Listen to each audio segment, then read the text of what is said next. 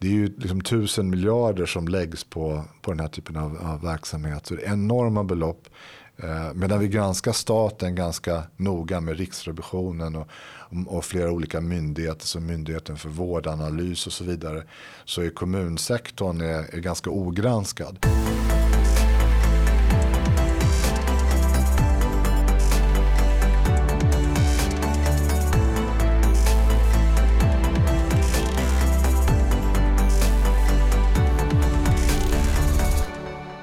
Mårten Blix är doktor i nationalekonomi och jobbar på Ratio. Han är författare och föreläsare och har en alldeles särskild kunskap om digitalisering och välfärdsfrågor. Han har bland annat skrivit boken Privatizing Welfare Services tillsammans med Henrik Jorndal. Varmt välkommen till Skattebetalarnas podcast. Uppskattat Mårten. Tack så mycket. Trevligt att ha dig här. Till att börja med, vi ska ju mest koncentrera oss på den bok som du har skrivit då, tillsammans med Henrik Jordahl. Varför skrev ni den här boken? Alltså att det har ju varit en ganska infekterad debatt om de här frågorna där vi har fått eh, privata utförare i välfärden. Det var reformer som, som kom då främst på 90-talet. Och i början så eh, expanderade välfärdsbolagen. Men sen, ja, i, i, i, mer i närtid så har den där debatten vuxit fram. Och det har varit massa påståenden som, som inte stämmer. Väldigt mycket tyckande. Eh, så att vi bestämde oss för att sammanfatta kunskapen och forskningen på området. Eh, och det har då kommit ganska mycket. När vi började boken då hade det börjat komma en hel del eh, forskning. Och, så vi sam försökte sammanfatta det här i en bok på ett sätt för att liksom visa upp en del av den här av välfärdsmodellen som inte eh, tidigare är känt. Framförallt inte internationellt att vi, vi har gjort det här. Eh, så att det var egentligen för att bidra till en mer kunskapsfokuserad debatt. Det var ett av de huvudsakliga motiven till att skriva boken. Mm. Och om vi börjar innan boken då, hur såg den svenska välfärden ut då på innan 90-talet när man började med den här konkurrensutsättningen? Ja, alltså vi hade ju då eh, under 70 och 80-talet så eh, hade vi en expansion av välfärdsstaten. Det var Socialdemokraterna ville liksom öka omfattningen av, av välfärdsstaten och vilka, vilka områden man skulle hålla på med. Eh, ett område som särskilt sticker ut tycker jag på 70-talet var expansionen av förskolan. Eh, och eh, där då efterfrågan på förskoleplatser egentligen i stort sett hela tiden under 70 80-talet översteg det som, de platser som fanns. Men samtidigt som man då expanderade välfärdstjänster och försökte liksom hitta vad är då den svenska välfärdsmodellen så spårade också makroekonomin ut. Det vill säga att man, eh, man spenderade för mycket, vi fick hög inflation, skatterna var höga, marginalskatterna eh, sköt i höjden. Eh, även vanliga arbetare hade väldigt höga skatter. Så det makroekonomiska området blev vanskött. Och, och, så kom då smällen här på slutet av, eller på början, början av 90-talet. Och då tror jag att då blev det en insikt om att ska man ha den här typen av välfärdsstat som Sverige har eh, byggt upp. Då måste man också titta på eh, att det måste vara liksom, tjänsterna ska fungera väl. Det ska vara effektivt och man ska liksom få värde för pengarna. Och det blev en, en ganska stor Eh, ändrad syn på hur det ska fungera. Och att man tittar tillbaka på de sakerna som skedde under 80-talet så att det var ju också även ett missnöje inom Socialdemokraterna och inom eh, fackförbunden.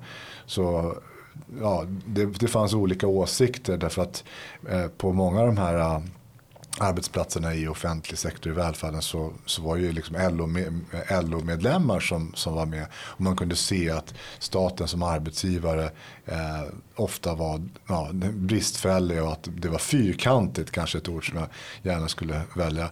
Så, så det, det, fanns en insikt mot att det här var inte något effektivt och att det fanns bättre sätt att, att få välfärdstjänster. Så det här växte ju fram då under, under 80-talet. Så reformerna kom eh, med Bildtregeringen där i början av 90-talet. Just det, och innan dess har man den här maktutredningen va, som mm. väl konstaterat att folk, ganska många är ganska missnöjda med ett standardiserat utbud av inte minst då välfärdstjänster. Ja. Eh, och då tar man då fram ett, ett, alternativ till det här. Vi får, först är det Pysslingen va? Och, och, och sen Lex Pysslingen. Va? Ja, Pysslingen är på 80-talet. Mm. Sen var det också, slutet av 80-talet var det eh, Danderyds kommun som eh, provade att privatisera äldreomsorgen. Eh, och det blev strid om det, kanske inte lika omskrivet men det gick upp till, en, till förvaltningsdomstolen och så eh, som då till slut tillät den här eh, Eh, privatiseringen av äldreomsorg i Danderyd. Men den stora, ja, och Pysslingen var en stor strid också förstås. Men vi skulle egentligen säga att det stora eh, startskottet för privatisering och öppna för privata alternativ och valfrihet det var friskolereformen på början av 90-talet. Det blev liksom den stora startpunkten för, eh, för de här reformerna. Just det. Eh, och sen så, den frågan är inte särskilt omdebatterad. Den här omfamnas väl av, eh, liksom inte, kanske inte allra längst ut till vänster, men ganska många är för. Miljöpartiet är ganska entusiastiska friskoleförespråkare. Och så på senare år så har det kommit en, en allt mer intensiv debatt, framför allt då om eh, vinstsyfte och att det skulle vara liksom oförenligt med, med att leverera välfärdstjänster. Är det ett problem med aktiebolag i, i välfärden? Nej, jag, jag, tycker inte det. Och, och, det finns väl två svar på den frågan. Det ena är att titta på hur har det gått då. Och, den andra, och det kan vi komma tillbaka till alldeles strax. Den andra delen eh, är svaret att aktiebolag är väl en, det är en bra driftsform. Med liksom, eh, som en etablerad driftsform med liksom, där det finns rutiner och stadgar och, och regelverk kring, kring hur, hur verksamheten ska skötas. Så att det är liksom en ordning och reda fråga att man har ett eh, aktiebolag. Men sen kan vi ju komma tillbaka till det här med utfallen. Men där, eh, om, om, man liksom ska sammanfatta det på ett övergripande plan så, så, så ser vi från forskningen att eh, man har fått, det har blivit bättre i välfärden. Eh, vi har fått eh, eh på många områden bättre kvalitet. Eh, och också att liksom, valfriheten i sig har bidragit till ökad konkurrens Eh, och ökad nöjdhet. Så det har liksom varit positivt för, för olika områden. Sen skiljer sig slutsatserna lite beroende på vilket område man pratar om. Det, om det är skolor eller om det är eh, sjukvården eller om det är äldreomsorgen. Men det övergripande mönstret att det här har, har, har stärkt eh, välfärden. Jag skulle vilja kanske gå ett steg längre. att om man då tänker på vad som hände där på början av 90-talet. oktober 92, det var ju liksom en annus terribles för, för Sverige. Och, och det var arbetslösheten höll på att skjuta höjden. Eh, Riksbanken försökte försvara kronan med 500 procent. Och sen när det inte gick så, så föll kronan som en sten. Och det var, det var ju faktiskt i stort en, en viss överlevnadsfråga för den här svenska modellen. Går det att upprätthålla ett sånt här högt skattetryck och, och klarar man av det utan att liksom ha, när det finns så lite marknadsmekanismer. Så, så att eh, det var nog, hade, hade inte Sverige valt den här vägen då, då tror jag att eh, det har varit svårt att upprätthålla den här typen av välfärdsmodell och att legitimiteten den, den eh, hänger ju på att man faktiskt klarar av att leverera och att liksom man inte skatterna skjuter i höjden. Man måste kunna få ut någonting av de här tjänsterna. Just det, det är någonting vi jobbar med och tittar mycket på, hur mycket, hur mycket kvalitet och effektivitet vi får för, för våra skattekronor. Ibland förskräcker det. Men eh, i debatten hävdas ju inte sällan då att privatiseringar och eh, valfrihet inom välfärden har lett till sämre kvalitet och ökade kostnader och mer segregering. Stämmer inte det? Ja, vi kan titta på olika områden. Ett som har särskilt diskuterats här under den här eh, senaste året och inte minst under valrörelsen det är ju skolan. Eh, där det finns, eh, till att börja med då, hur ser det ut i skolan? Det är väl ungefär 20 procent av elever som går i, eh, jag har inte den exakta siffran nu, men ungefär 50 del som går i, i friskolor. Och, och att, att liksom den andelen skulle liksom förstöra för eh, resten, det är ju, förefaller ju liksom ganska så, så bisarrt.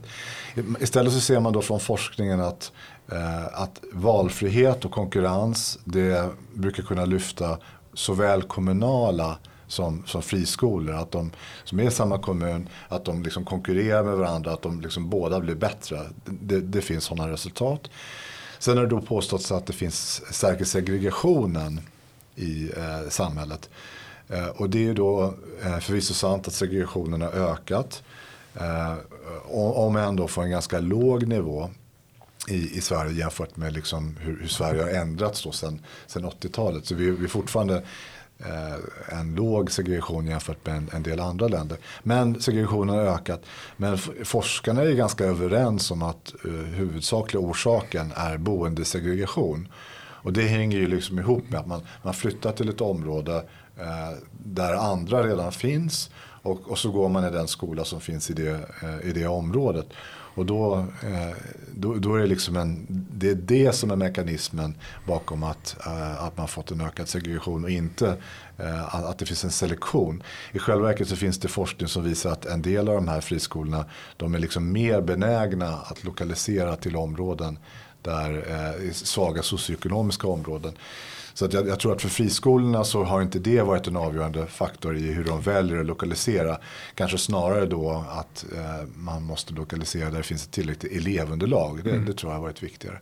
Men så, så det stämmer inte alls att eh, möjligen att, att, att, man har påverkat lite grann på, på, på kanten. Va? Men, men den huvudsakliga eh, drivkraften är boendesegregation som då har förstärkts av den stora invandringen. Men det, det, det är den stora drivkraften. Mm. Ja, man skulle knappast komma runt det genom en närhetsprincip. För det blir ju samma problem då om det är ja. boendesegregation som är problemet. Ja, det är en svår fråga. Ja, mm. ja. Eh, eh, I er bok då, den här Privatizing Welfare Services, eh, så tittar ni, har ni tittat på mer än 60 empiriska studier mm. Eh, mm. och menar att privatisering tvärtom har lett till mm. ökad kvalitet och brukarnöjdhet och att kostnaderna har minskat. Mm. Hur, hur har ni kommit fram till det? Ja, vi har då sammanfattat de här studierna och, och, och de här studierna som, som vi har tagit upp i boken de är eh, referigranskade i, i hög kvalitet eh, akademiska tidskrifter så att de, de håller en god, eh, god akademisk nivå. Och så har vi, liksom, vi har tagit de olika resultaten och, och vi har då vi har tagit liksom allt som vi har hittat som varit bra, som har hållit den, som hållit den akademiska standarden. Så vi har då verkligen inte liksom varit selektiva. Om vi hittar någonting som talar emot eh, eh den här tesen, då har vi, vi har lyft upp det på bordet. Och i boken så redovisar vi också eh, alla de här studierna, vi sammanfattar dem. Så om det är någon som tycker att uh, ni har tolkat det här fel, men det finns svart på vitt vad, vad vi, vår bedömning är. Och om det är något som saknas så får man ju liksom också gärna, uh, vi, vi vill ju vara kompletta och lägga all, all kunskap på bordet. Så det är, trans, det är väldigt transparent? En transparens mm. var, var viktigt. För att jag har ju då sett en hel del eh, tankesmedjor och så vidare som publicerar någon slags kvasi-rapporter med fina diagram. Och, jag tycker att det är positivt att man försöker bidra till debatten. Men och, och, ibland så blir det liksom, det är, inte, det är inte tillräckligt hög nivå på det. Och ah, man, man måste liksom ta slutsatserna där evidensen finns. Man kan inte liksom tycka någonting och sen bara söka med lampan på det. Men, eh, det är ja, ganska ofta så i den svenska debatten tyvärr. Men. Jag tycker ett, ett eh, konkret exempel, vi kan ju inte gå igenom alla de här 60 studierna, men mm. några nedslag kan vi göra. Till exempel äldreomsorgen, eh, så finns det en studie som, som visar att eh, när man inför valfrihetssystem och när man är privata utförare i en kommun, då eh, eh, leder det till att livslängden på de boende i särskilt boende att det ökar. Och det är liksom flera månader. Eh, eh, förlängning av, av, av, livet. Då. Man, och då kontrollerar man för socioekonomiska faktorer och allting annat som, som kan spela roll. Och vad det säger då det är den här konkurrenseffekten som vi var inne på med skolan. Att eh, äldreomsorgen de, de liksom skärper sig när de, har lite, när de har konkurrens. Så det är en väldigt, det, men det är svårt att tänka sig någonting viktigare, ökad kvalitet än, än livslängden när det gäller eh, särskilt boende. Mm. Därför att det är liksom korrelerat med eh, välmående i största allmänhet. Om man mår dåligt då förkortar det livet. Så det är svårt att mäta kvalitet va? men eh, livslängd är en ganska tydlig mätbar indikator. Mm. Så, så det tycker jag är ett exempel på ett sådant här resultat att, eh, att kvaliteten har stärkts. Mm. Eh, och hur har ni mätt kvalitet i andra fall? Ni är lite inne på att, att det måste utvärderas empiriskt. Ja. Mm. Ja, det är ju olika på olika områden. När det gäller äldreomsorgen så, så tittar man på eh, indika, massor av olika indikatorer. Eh, och, och, och, man har då strukturindikatorer som eh, det brukar vara liksom byggnader. Det kan vara alltså liksom hur stora rummen är. Det kan vara eh, ja, hur mycket personal det är i förhållande till brukare och så vidare. Sådana, så, så, sådana faktorer. Och så tittar man på processindikatorer och det handlar om hur man följer upp eh, vården i, i omsorgen. Det handlar om mat och rutiner och liksom den typen av saker. Och slutsatsen från de här studierna då är att eh, kommunala äldreboenden de brukar vara bättre på, eh, på strukturindikatorer. Ja, det här med byggnader och de här mm. sakerna. Medan de privata utförarna är bättre processindikatorer. Liksom att följa upp eh, vården och omsorgen och liksom planera verksamheten. Eh, så, så, att är, man är bra på olika saker. Eh, men överlag då så har ju båda blivit bättre med, med den här konkurrensen. Men man kan också säga att, att det är svårt att mäta kvalitet. Och ibland hör man då argumentet att ah, bara för att det är svårt att mäta kvalitet det betyder att man ska ge upp. Mm. och det är det vi verkligen vi inte vill, vi vill peka på att det går att mäta kvalitet. Man får redovisa dem och man får liksom säga vad de är. Sen har olika mått olika styrkor och svagheter. Eh, men eh, man gör en liksom sammanvägning av de här faktorerna. Eh, och, och till exempel livslängd då, som man var inne på. Att det tycker jag är en väldigt bra indikator på mm. ökad kvalitet. Ja, det borde ju säga någonting.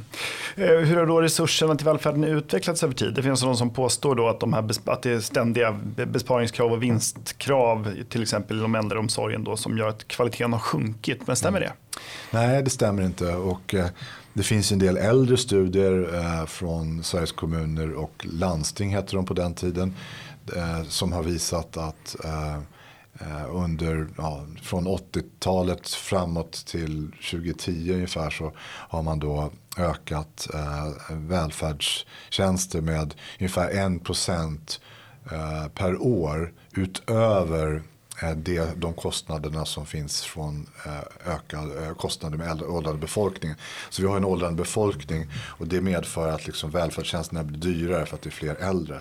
Men då har SKL eller, och nu SKR de har visat att vi faktiskt har ökat eh, resurserna till välfärden ungefär 1% utöver det. Så det här är lite äldre studier och så har jag tittat på det här rätt nyligen och eh, även på andra områden. Och det visar sig att den här 1% utöver demografin den håller ungefär fortfarande. Så, så att eh, vi har fått, ja det är precis tvärtom, vi har fått mer resurser eh, till välfärden per, per invånare än vad vi hade tidigare i stort sett varje år under den här tiden. Och, och de pengarna har inte försvunnit i övervinster i de privata bolagen? Nej, de har nog inte försvunnit i övervinster. Men däremot så kan man ställa sig frågor hur väl de här pengarna används i offentlig sektor. Att, eh, till exempel sjukvården, något som jag gärna skulle komma tillbaka till. Mm. Att eh, vi har växande sjukvårdsköer. Mm. Och är, varför har vi det då? Ja, till att börja med kan vi säga någonting om hur det ser ut då. Eh, vi har eh, det har länge varit köer i sjukvården i Sverige. Eh, och sen försökte man då införa den här vårdgarantin. Där man har rätt att få träffa en specialist inom 90 dagar. Och om man har behov så efter det så ska man kunna få en åtgärd eller operation också efter 90 dagar. Och hur har det gått med den här måluppfyllelsen? Jag har tittat på siffror från Eh, Sveriges kommuner och regioner från eh, 2011 och framåt. Det är en ganska lång tidsperiod, lite, lite drygt tio år. Och då visar det sig att eh, från början av 2010-talet så har det liksom fallit eh, hela tiden. Så vård, eh, eh, man är sämre och sämre på att klara den här vårdgarantin. Eh, och det tar sig uttryck kanske mest talande med hur många personer som står i en vårdkö. Det är liksom mer lättbegripligt än hur många procent av måluppfyllelse man har. Så att, eh, I början då av 2010-talet så hade vi ungefär 300 000 personer som antingen väntade på eh, första besök eller på en operation. Och det här har växt fram till, eh, till ja, senaste månaden då som är juli 2022, alltså i sommar. Mm. Eh, till lite mer det dubbla, 630 000 lite drygt. Eh, och, så det är alltså mer än dubbelt så många personer som står i kö. Trots att man hela tiden har fått, har fått mer resurser. Men så, så är bilden då, det är det mm. som har hänt. Mm. Sen kan vi ställa oss frågan, vad, vad, vad beror det på? Och, och, där börjar man liksom komma in på mer liksom, svårare frågor. Att liksom, vad, är, vad är förklaringen? Och det finns flera förklaringar. Min läsning av det hela är att regionerna borde, måste bli bättre på att styra upp verksamheten. Man har inte tillräckligt bra liksom, eh, management. Man kanske också är för små enheter för att, för att klara av det här. Eh, och, och, den här blandningen av liksom politisk styrning och, och tjänstemän som, som har nå, någonstans där så blir det ineffektivitet i hur vården är organiserad.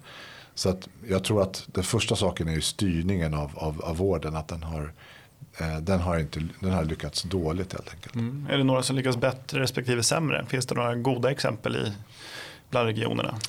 Ja, eh, eh, det, det råkar vara så att eh, Stockholm mm. Eh, är, är den region som har, eh, där vårdköerna har är kortast i, i landet på de flesta områden. Inte riktigt alla områden men på de flesta områden. Eh, och det är också det område i, eh, i sjukvården, specialistsjukvården, där det finns flest privata utförare. Eh, överlag då när man tittar på specialistsjukvården så, så är det ungefär 7% i hela landet eh, som utförs eh, av, av, i privat regi. Men om man bryter ner det på regionnivå så visar det sig att det är Stockholm som står för en merpart av det. där. Så att nästan en femtedel av all eh, sjukvård i specialistsjukvård i Stockholm är i privat regi. Och det är också där köerna är, är de kortaste. Medan i övriga landet så är det ja, eh, kanske 2 procent i snitt eh, privat specialistsjukvård. Så jag tycker man borde ställa frågor om vad innebär det här då? Stockholm kan säkert göra organisera vården på ett bättre sätt. Man, det kan, den kan vara fragmenterad till vissa delar. Men det, det är ändå faktum att eh, vårdkön är kortast här och vi har högst andel privat eh, specialistsjukvård. Så att av alla områden där, där det varit privatisering i sjukvården så, så skulle jag vilja påstå att det område som är, är, är, där är dags att titta på det här det är specialistsjukvården. Att man borde börja eh, överväga att köpa upp mer privatvård, titta på mer privatisering av, av sjukhus. För, för där har det verkligen liksom stått stilla mm. jämfört med andra områden där så att det finns stora vinster på att privatisera sjukvården ytterligare. Mm, och det är tyvärr det är ingen som väl har drivit det med allvar i, i valet. Vi träffade här för det är väl ett år sedan ungefär så eh, träffade jag Claes Tikkanen på Nordic Capital som ju var med och eh, drev Sankt Görans sjukhus under mm. en period i Capio idag. Mm. Eh, och de visade ju fantastiska resultat på ganska mm. kort tid eh, och har ju mycket bättre både kvalitet och eh, kortare köer och sådär. Eh, det är ju intressant. Eh, och varför är debatten så infekterad ändå? För det har ju låtit i, i valet inte minst som att Stockholm är oerhört vanskött och, och dåligt. Men så är det inte alls alltså.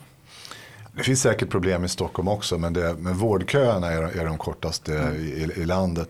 Sen ska man också titta på vad saker och ting kostar. Men mm. det, Stockholm är tror jag ett exempel som många kan titta på. Sen om, om vi ska liksom komma in på andra saker så tror jag att att eh, offentlig sektor och eh, sjukvården i synnerhet har varit Ja, man, jag vill liksom välja rätt nyans här, men varit urusla på digitalisering.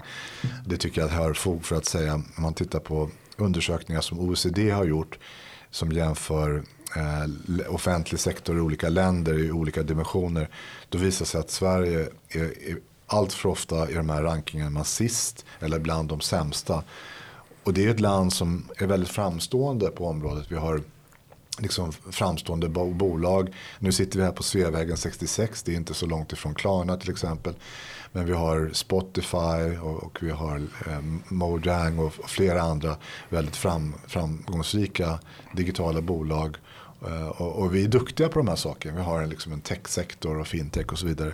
Så vi, vi är ett land som är väldigt duktiga på digitalisering men offentlig sektor är efter. Eh, och, och, inte minst är, det, eh, är man efter då i sjukvården där det fortfarande är eh, svårt att dela information mellan olika vårdnivåer. Svårt att dela patientjournaler mellan regioner och allmänt liksom trögt. Och jag tror att det förekommer fortfarande när man faxar saker. Eller när man frågar anekdotiskt så, så, så framkommer det i alla fall.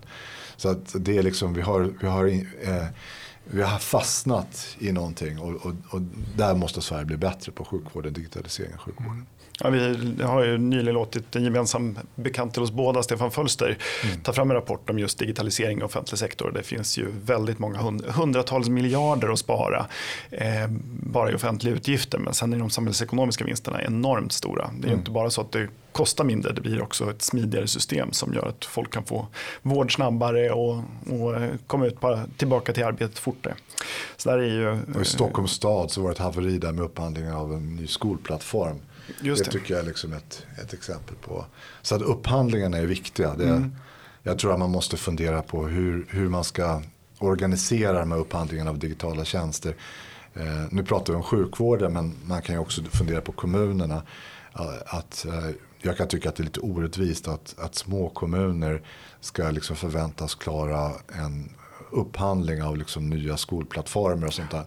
Och, och dessutom så har de också så vitt jag förstår ansvar för Eh, digital säkerhet i kommunen. Och, och många kommuner de, det, det, är ganska långt ifrån liksom deras kärnuppdrag. Så jag, jag, tycker man borde titta på någon typ av central organisation via SKR eller på något annat sätt. Eh, eller staten som tillhandahåller liksom färdiga paketlösningar som kommunen kan välja som, som passar. Så att även på kommunal nivå så ja, finns det mycket att göra med digitaliseringen. Mm, ja, det är svårt att tänka sig att en liten kommun skulle klara väldigt komplexa upphandlingar där de bolag som man ska handla ifrån är många gånger, har många gånger större ekonomi och verkligen mm. kan de här sakerna. Det är svårt att se. Ja. Och jag tror att det var tanken som eh, Ardalan Shekarabi hade när han tillträdde han tillsatte den här upphandlingsmyndigheten. Va?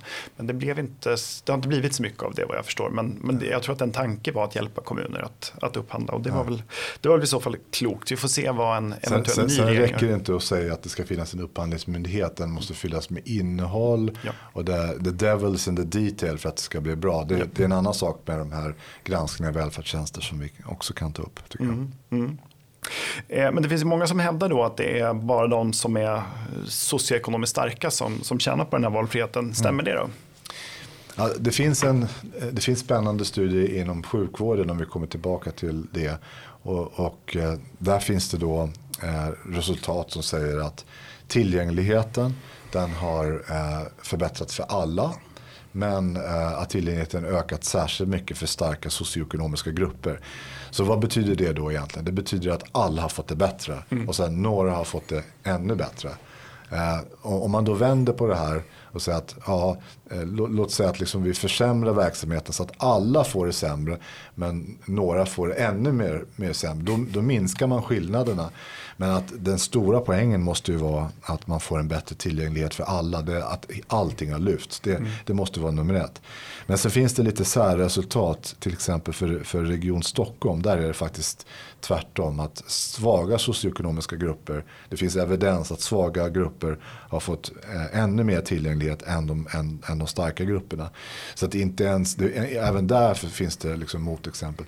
Men det här det, det, är faktiskt en väldigt fundamental poäng att alla får det bättre. Och att hur man kan liksom få det att låta som att det är en försämring som skapar ökade orättvisor när alla får det bättre. Det, det tycker jag är eh, fel, felaktig debatt helt enkelt. Ja, och det riskerar ju att eh, leda politiken i fel riktning också om man eh, gör den typen av felaktiga utsagor. Mm. Men i skoldebatten så lyfts ju då också att friskolorna leder till att det blir betygsinflation. Det vill säga att det finns ett starkt incitament för de här friskolorna att ha glädjebetyg för mm. att attrahera elever. Hur ligger det till med det? Alltså det finns väl en del studier som pekar på att det finns eh, problem med betygsinflation och att det finns äh, saker som pekar på att friskolorna kanske har mer eh, äh, betygsinflation än, än, andra. Det är olika med olika friskolor då. Äh, så att det inte, all, alla är inte lika. men det där borde, om man då tittar tillbaka på när de här reformerna sjösattes så, så, så ser jag och Henrik Jordahl när vi skriver vår bok, vi pekar på att det här borde varit förutsägbart.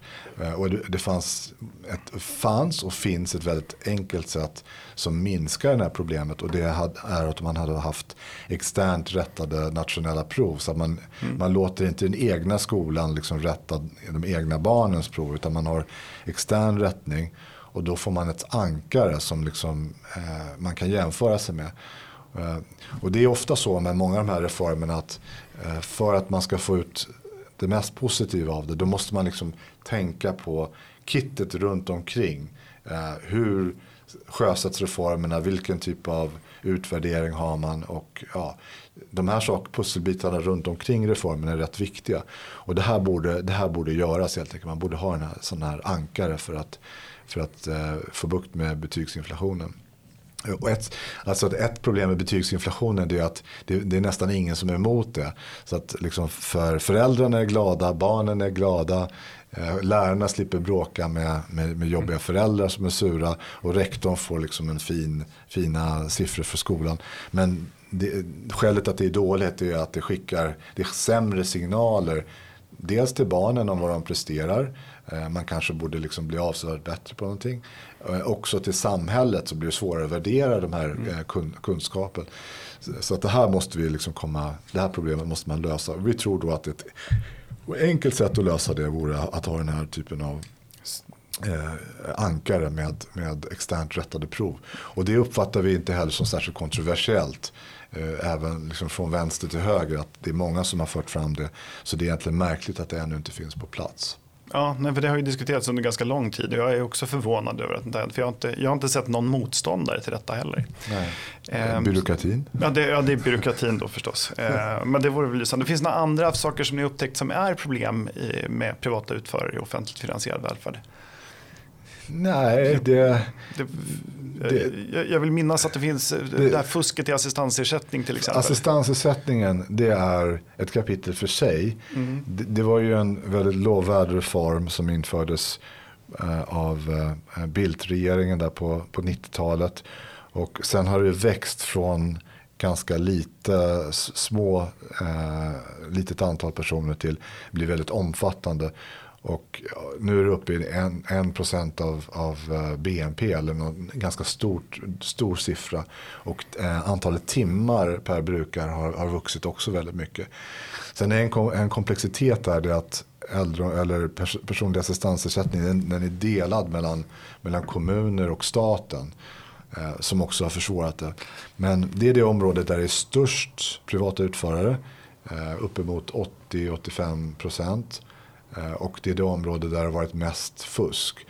Och det handlar om eh, eh, brukarimport. Det handlar om liksom folk som egentligen inte behöver assistans. Det handlar om, och brukar, om bedrägerier. Och brukarimport är? Bru, brukarimport är att man, man tar hem någon eh, utifrån som en eh, flykting till exempel eller någon annan som, som eh, anses ha ett sånt vårdbehov och så får de eh, assistans här i Sverige. Och så kanske man anställer sina egna familjemedlemmar.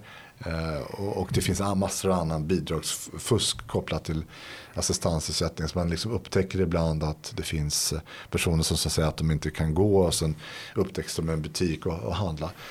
Och det stora problemet, det finns ju ena är ett ekonomiskt problem eh, och det andra är problemet att de eh, som verkligen behöver assistansersättningen, de lider ju av att att andra fuskar. Så att det, om det, det, finns det här behovet som vi identifierat som viktigt och så finns det de som fuskar. Det underminerar systemet och försvårar för, för helheten. Och, och där finns det väl ett antal saker man borde också göra för att eh, stävja det här fusket.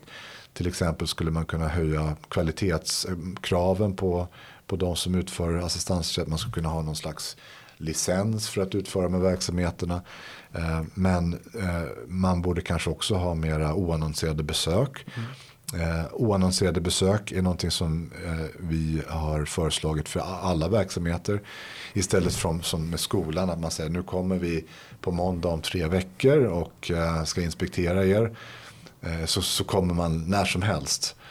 Och det är nog mycket bättre än att man, man talar om när man kommer. Mm. Eh, så det är ett verktyg som man mer generellt borde använda. Dock inte bara för privat utförare utan eh, jag anser att den här granskningen och oannonserade besök och eh, krav på kvalitet de måste falla lika mycket på offentlig sektor. Det finns liksom en tendens i debatten att fokusera på privat privata utförare men det, eh, det är ofta stora problem också i, i, i, i offentliga utförare. Och de sakerna får inte dribblas bort. Nej. Nej, man borde ställa samma krav samma oavsett, krav. oavsett vem som Neutral, Neutralt spelfält, mm. samma krav på alla som ja. utför tjänster oavsett vilken regi. Men för jag upplever precis där du nämner att vi kritiserade just fusket i välfärden eh, som ett av årets värsta slöserier här om året. Och då fick vi rätt mycket kritik, inte minst från handikapporganisationer. Och det förvånade mig för jag de borde om några vara intresserade av att stävja fusket. För annars är ju risken att eh, att det just är deras vård som ryker om det blir för hårda granskningar. De borde ju vara de första att välkomna ja. lite tuffare kontroller för att kunna behålla eh, servicen på en hög nivå. Jag, ja. blev, jag blev förvånad ja. över det faktiskt. Eh, en sak som slog mig här, för jag har inte kunnat sätta ord på det själv, det är vad ni beskriver som nirvana fallacy. Vad är det för någonting? Ja, det handlar om att vad man, vad man ska jämföra med. Att om man, om man tar, eh, man tar ett, någon slags idealiserad bild av eh, ett system och så tar man och jämför med det system man har nu. Låt säga att det är vårt eget nu med privat utförare eller där eh, offentlig sektor har liksom monopol. Eh, och så, så, så, så, säger man, ja men titta det är liksom det här är inte lika bra som den här eh, nirvana som är, egentligen är, inte går att nå. Utan eh, det är en ganska enkel poäng att, att när man, om man har en verksamhet, låt säga att det är sjukvården. Den kan utföras i privat regi, skattefinansierad, offentlig eller i någon kombination där man liksom har eh, det skattefinansierat men man har privata utförare som vi har här i Sverige. Och då ska det jämföras med de andra alternativen som, som finns på bordet när man försöker hitta kvalitet. Inte med, med liksom någonting som inte finns. Nej, eller så, och framförallt helt orealistiskt. Jag tycker hela välfärdsdebatten präglas just av man ställer de brister som förvisso kan förekomma idag mot, mot just en hittpåvärld där allting skulle fungera perfekt om bara det offentliga drev verksamheten. Det är väldigt, väldigt märkligt. Och även om, även om man har en ideo, väldigt effektiv, det kommer alltid finnas liksom problem eftersom vi är människor. Mm. Så oavsett om det är privat eller offentlig regi så kommer man alltid hitta fall där liksom det inte fungerar. Men ibland tror jag också att det handlar om, om eh, att det är en liksom liten dold debatt om vad man egentligen vill att offentlig sektor ska göra att de som framför det här de kanske har en bild av att, att man borde göra mycket mer. Offentlig sektor, välfärden borde vara mycket mer, borde vara, egentligen vara mycket större än vad den är. Och så kallar man och, och, och därmed så kritiserar man det system vi verkligen har. Men det är mer logiskt ska säga, okej okay, vi har bestämt att vi ska ha den här nivån av välfärd hur, hur kan vi få den på liksom bästa kvalitet till lägsta kostnad?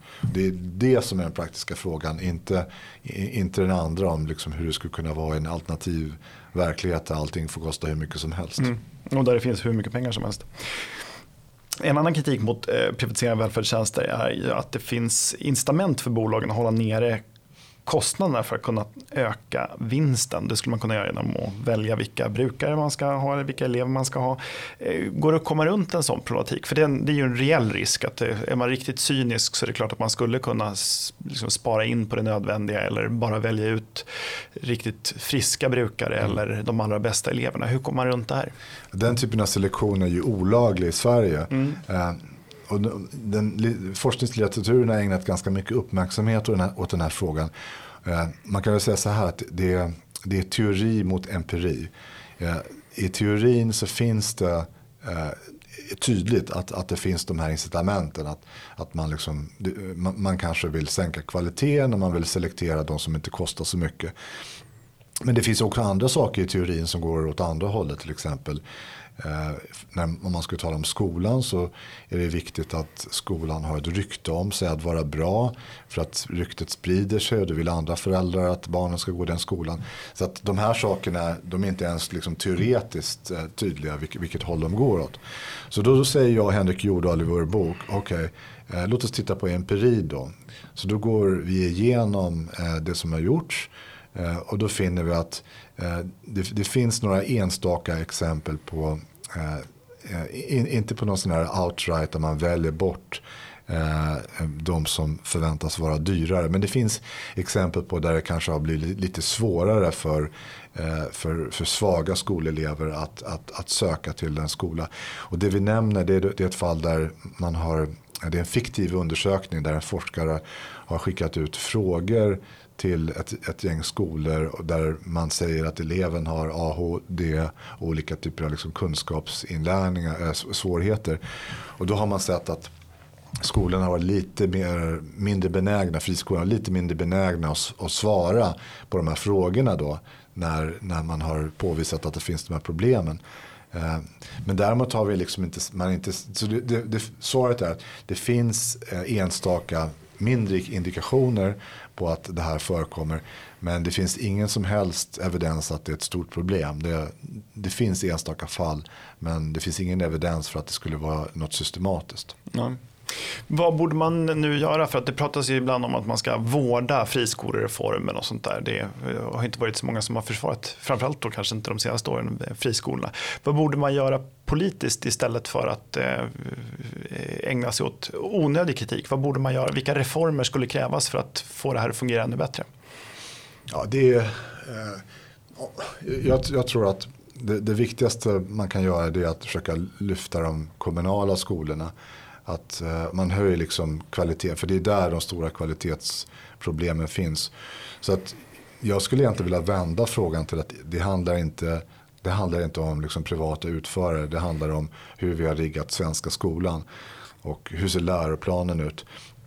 Eh, det är liksom ett logiskt resonemang att huvuddelen av skolan eh, utförs i, eh, i kommunal regi. Eh, och det är där problemen finns. Låt oss därför liksom förbättra det. det mm. Så det är ett logiskt resonemang. Sen då vad ska man göra med skolan? Jag är inte, eh, jag har inte är inte en skolforskare men det finns ju de som till exempel min eh, före detta kollega Magnus Henriksson har skrivit en bok eh, eh, där de lyfter fram att vi har haft en försämrad kunskapssyn i skolan. Så att om man då skulle liksom tydliggöra i läroplanen eh, mer konkreta mål för vad kunskapen ska uppnå. Då eh, vore det ett steg att liksom underlätta för lärarna att eh, jobba mot de här målen. Och har man privata utförare som får de här konkreta eh, målen så kommer de jobba som fan för att uppnå de här målen. Eh, så, så, att problemen är själva inramningen av skolan. Eh, sen exakt hur man gör det här det, det, den fråga du får ställa till någon som bara sysslar med skolan. Mm, mm. Ja, se, se vilka gäster vi kan ha här framöver. Mm. Eh, vi hade ju eh, Gabriel Heller Sahlgren här. Det är en annan skolexpert. Ja, ja, han nämnde just mycket det här arvet och hur, eh, hur man gjorde om den svenska skolan. Eh. På ett mycket felaktigt sätt. Eh, och den som inte har lyssnat på det avsnittet så tror jag att det är för eh, två avsnitt sedan vi gjorde det. Okay. Eh, vad borde göras för att hyfsa den här debatten då så att vi pratar om rätt saker? Förutom att fler borde läsa eh, din och, och eh, eh, Henriks bok. Ja, men det är väl eh, att, att liksom peka på de goda argument som finns. Vi försöker, eh, den här boken är lite akademiskt skriven. Den är, den är inte meningen att den ska vara svårläst, men den kanske är lite otillgänglig så att det finns ju olika typer av skrifter och vi skriver ju olika enkla sammanfattningar ibland. Eh, men, men överlag så tror jag att om man möter liksom någon, eh, ett argument mot att privata utförare är så dåliga så måste man ställa sig liksom frågan, är det här egentligen rimligt? Var, varför kan man ha eh, en friskola som är så populär att det uppstår köer om den är så dålig som det påstås i debatten? Det verkar liksom inte vara det, det, verkar, det går liksom inte ihop. Det bär inte sannolikhetens prägel som, Nej, som Carl Bildt skulle ha sagt. Så skulle man skulle säga det också. Ehm, så att man, de, de, som inte gillar att läsa akademiska studier, titta på hur det ser ut på, på de välfärdstjänster man själv möter. Ehm, jag har under, jag har ju liksom haft eh, barn som gått i, i förskola. Och jag har haft, eh, vi har haft barnen i, eh, i privat förskola som inte var bra. Vi har haft dem i en privat skola som har varit bra. Vi har haft dem i en kommunal skola som varit bra. Så att jag tror att man får Eh, ja, jag uppmanar alla som inte liksom, som är intresserade av frågan, som inte vill läsa den här forskningslitteraturen, att titta på hur det ser ut i de, i de tjänster man själv tillhandahåller och, och får eh, är det rimligt att den här kritiken eller liksom, ja, stämmer eller inte? Där skulle jag börja. Det, mm. ja, det har, debatten har varit oerhört infekterad. Det har ju låtit som svensk skola har gått åt skogen för att en, mm. en liten andel av skolorna är, är eh, i privat regi. Det är oerhört märkligt. Eh, ni har också skrivit en ganska lite kortare eh, svar till Ann-Marie Lindgren va, som, som ligger på nätet där ni går igenom några påståenden hon har, hon har uttalat i en rapport. Och det är för, är det Tankesmedjan Tiden eller så som har gjort det från början. Utan... Ja, Ann-Marie Lindgren har skrivit för Tankesmedjan Tiden och det, det, var, det är jag som har skrivit den. Henrik har inte varit med på, på den. Eh, så den finns och, och, och laddad ner från Svenskt Näringslivs hemsida. Mm. Eh, och den är tänkt att vara lite mer lättläst. Så vad jag har gjort i den där, eh, egentligen så, var det, så blev jag liksom lite besviken på den där texten som Ann-Marie Lindgren skrev. Att jag hade hoppats att Eh, att det skulle vara eh, en, en mer kunskapsorienterad text. Ambitionen i den texten som hon skrev det var nu ska vara bokslut för privatisering i välfärden. Ja, titeln är inte exakt sån men det var, ambitionen var att det skulle liksom sammanfatta eh, kunskapen. Men hon gör inte det utan det, den är, eh, det är ett eh, selektivt urval av rapporter. Så att hon tar ut de sakerna som eh, är kritiska med kanske lite betoning på att det är debattartiklar. Som inte, debattartiklar de är bra men det är inte forskning då, till, till att börja med. Eh, och sen är det ett selektivt urval och tolkning av, av resultaten. Så för de saker där hon påstår eh, eh, saker så har jag gått ut och i den här texten så, så sammanfattar jag vilka rapporter som eh, motsäger det hon, hon påstår. Så egentligen är det lite trist att jag behövde skriva en sån rapport. Ja, det är synd för Ann-Marie Lindgren uppskattar jag ofta i andra sammanhang ska jag säga. Mm. Ehm, tråkigt. Ehm, vi börjar närma oss vårt slut. Är det någonting jag har glömt att fråga dig om? Ja, det är massor naturligtvis, men är det någonting särskilt, något särskilt medskick du vill ge? Ja, jag, jag kommer tillbaka till det här med granskning av kommunsektorn, alltså kommunerna och regionernas verksamhet oavsett om det är kommunal eller eh, offentlig regi eller privat regi. Jag tror att Eh, vi borde eh, bli bättre på att granska all verksamhet. Eh, och vi har ju då ett system idag med förtroenderevision i kommunal verksamhet. Jag har själv varit för, för, förtroendevald revisor. Och, och, det är bra att verksamheten granskas men det, det, räcker inte. Utan jag tror att man behöver stärka granskningen eh, av hela kommunsektorn. Exempelvis de här oannonserade besöken. Men även eh, att man har Eh, gör analys och ser hur bra gör de här med benchmarking, ansvarsutkrävande på kommunal nivå. Det är ju liksom tusen miljarder som läggs på, på den här typen av, av verksamhet. Så det är enorma belopp. Eh, medan vi granskar staten ganska noga med Riksrevisionen och, och flera olika myndigheter som Myndigheten för vårdanalys och så vidare. Så är kommunsektorn är, är ganska ogranskad. Så det är liksom lite paradox i vår modell att så stor del av vår välfärd utförs på, på ett område där eh, där det är väldigt svag, förhållandevis svag granskning. Mm. Så det skulle jag vilja se en reform där eh, man får eh, biffar upp och ger muskler till en granskning av hela kommunsektorn. Mm. Vi pratade, jag pratade med det förra veckan eh, med vår eh, slöseriombudsman som just, där vi gemensamt konstaterade att en stärkt kommunal revision vore verkligen någonting att sträva efter. En, lite, en tuffare och hårdare granskning. Det är trots allt en, en väldigt stor del av våra skattepengar som går till kommuner och granskningen är ganska, ganska bristfällig. Eh, jättetack för att du tog dig tid att komma hit Mårten. Det har varit oerhört intressant. Och, eh, din och Henriks bok finns att beställa där böcker finns misstänker jag. Ja, den, den finns via Oxford University Press. Och den, man går in på eh, hemsidan för Oxford University Press och sen går den att beställa. Och eh, ditt svar till Ann-Marie Lindgren finns på Svenskt Näringslivs hemsida. Har man frågor om detta kan man jättegärna kontakta oss här på Skattebetalarna ja. så ska vi lotsa er rätt så att ni hittar. Eh, Tack så mycket Mårten och eh, tack ni som har lyssnat. Tackar. Eh, uppskattat, det är en podcast från Skattebetalarnas förening. Vi arbetar för låga och rättvisa skatter, rättssäkerhet för skattskyldiga och minskat slöseri med skattepengar. Vi bildar opinion och folkbildar i skattefrågan och vi lever som vi lär och tar bara emot frivilliga bidrag. Uppskattar du podden och vill medverka till att Sverige blir ett land med minskat slöseri och rimligare skatter så stödjer du oss enklast genom att bli medlem. Läs mer och bli medlem på www.skattebetalarna.se bli medlem. Tipsa också gärna andra om uppskatt och betygsätt oss gärna och då högt i din poddlyssningstjänst. Till nästa vecka, ha det så bra!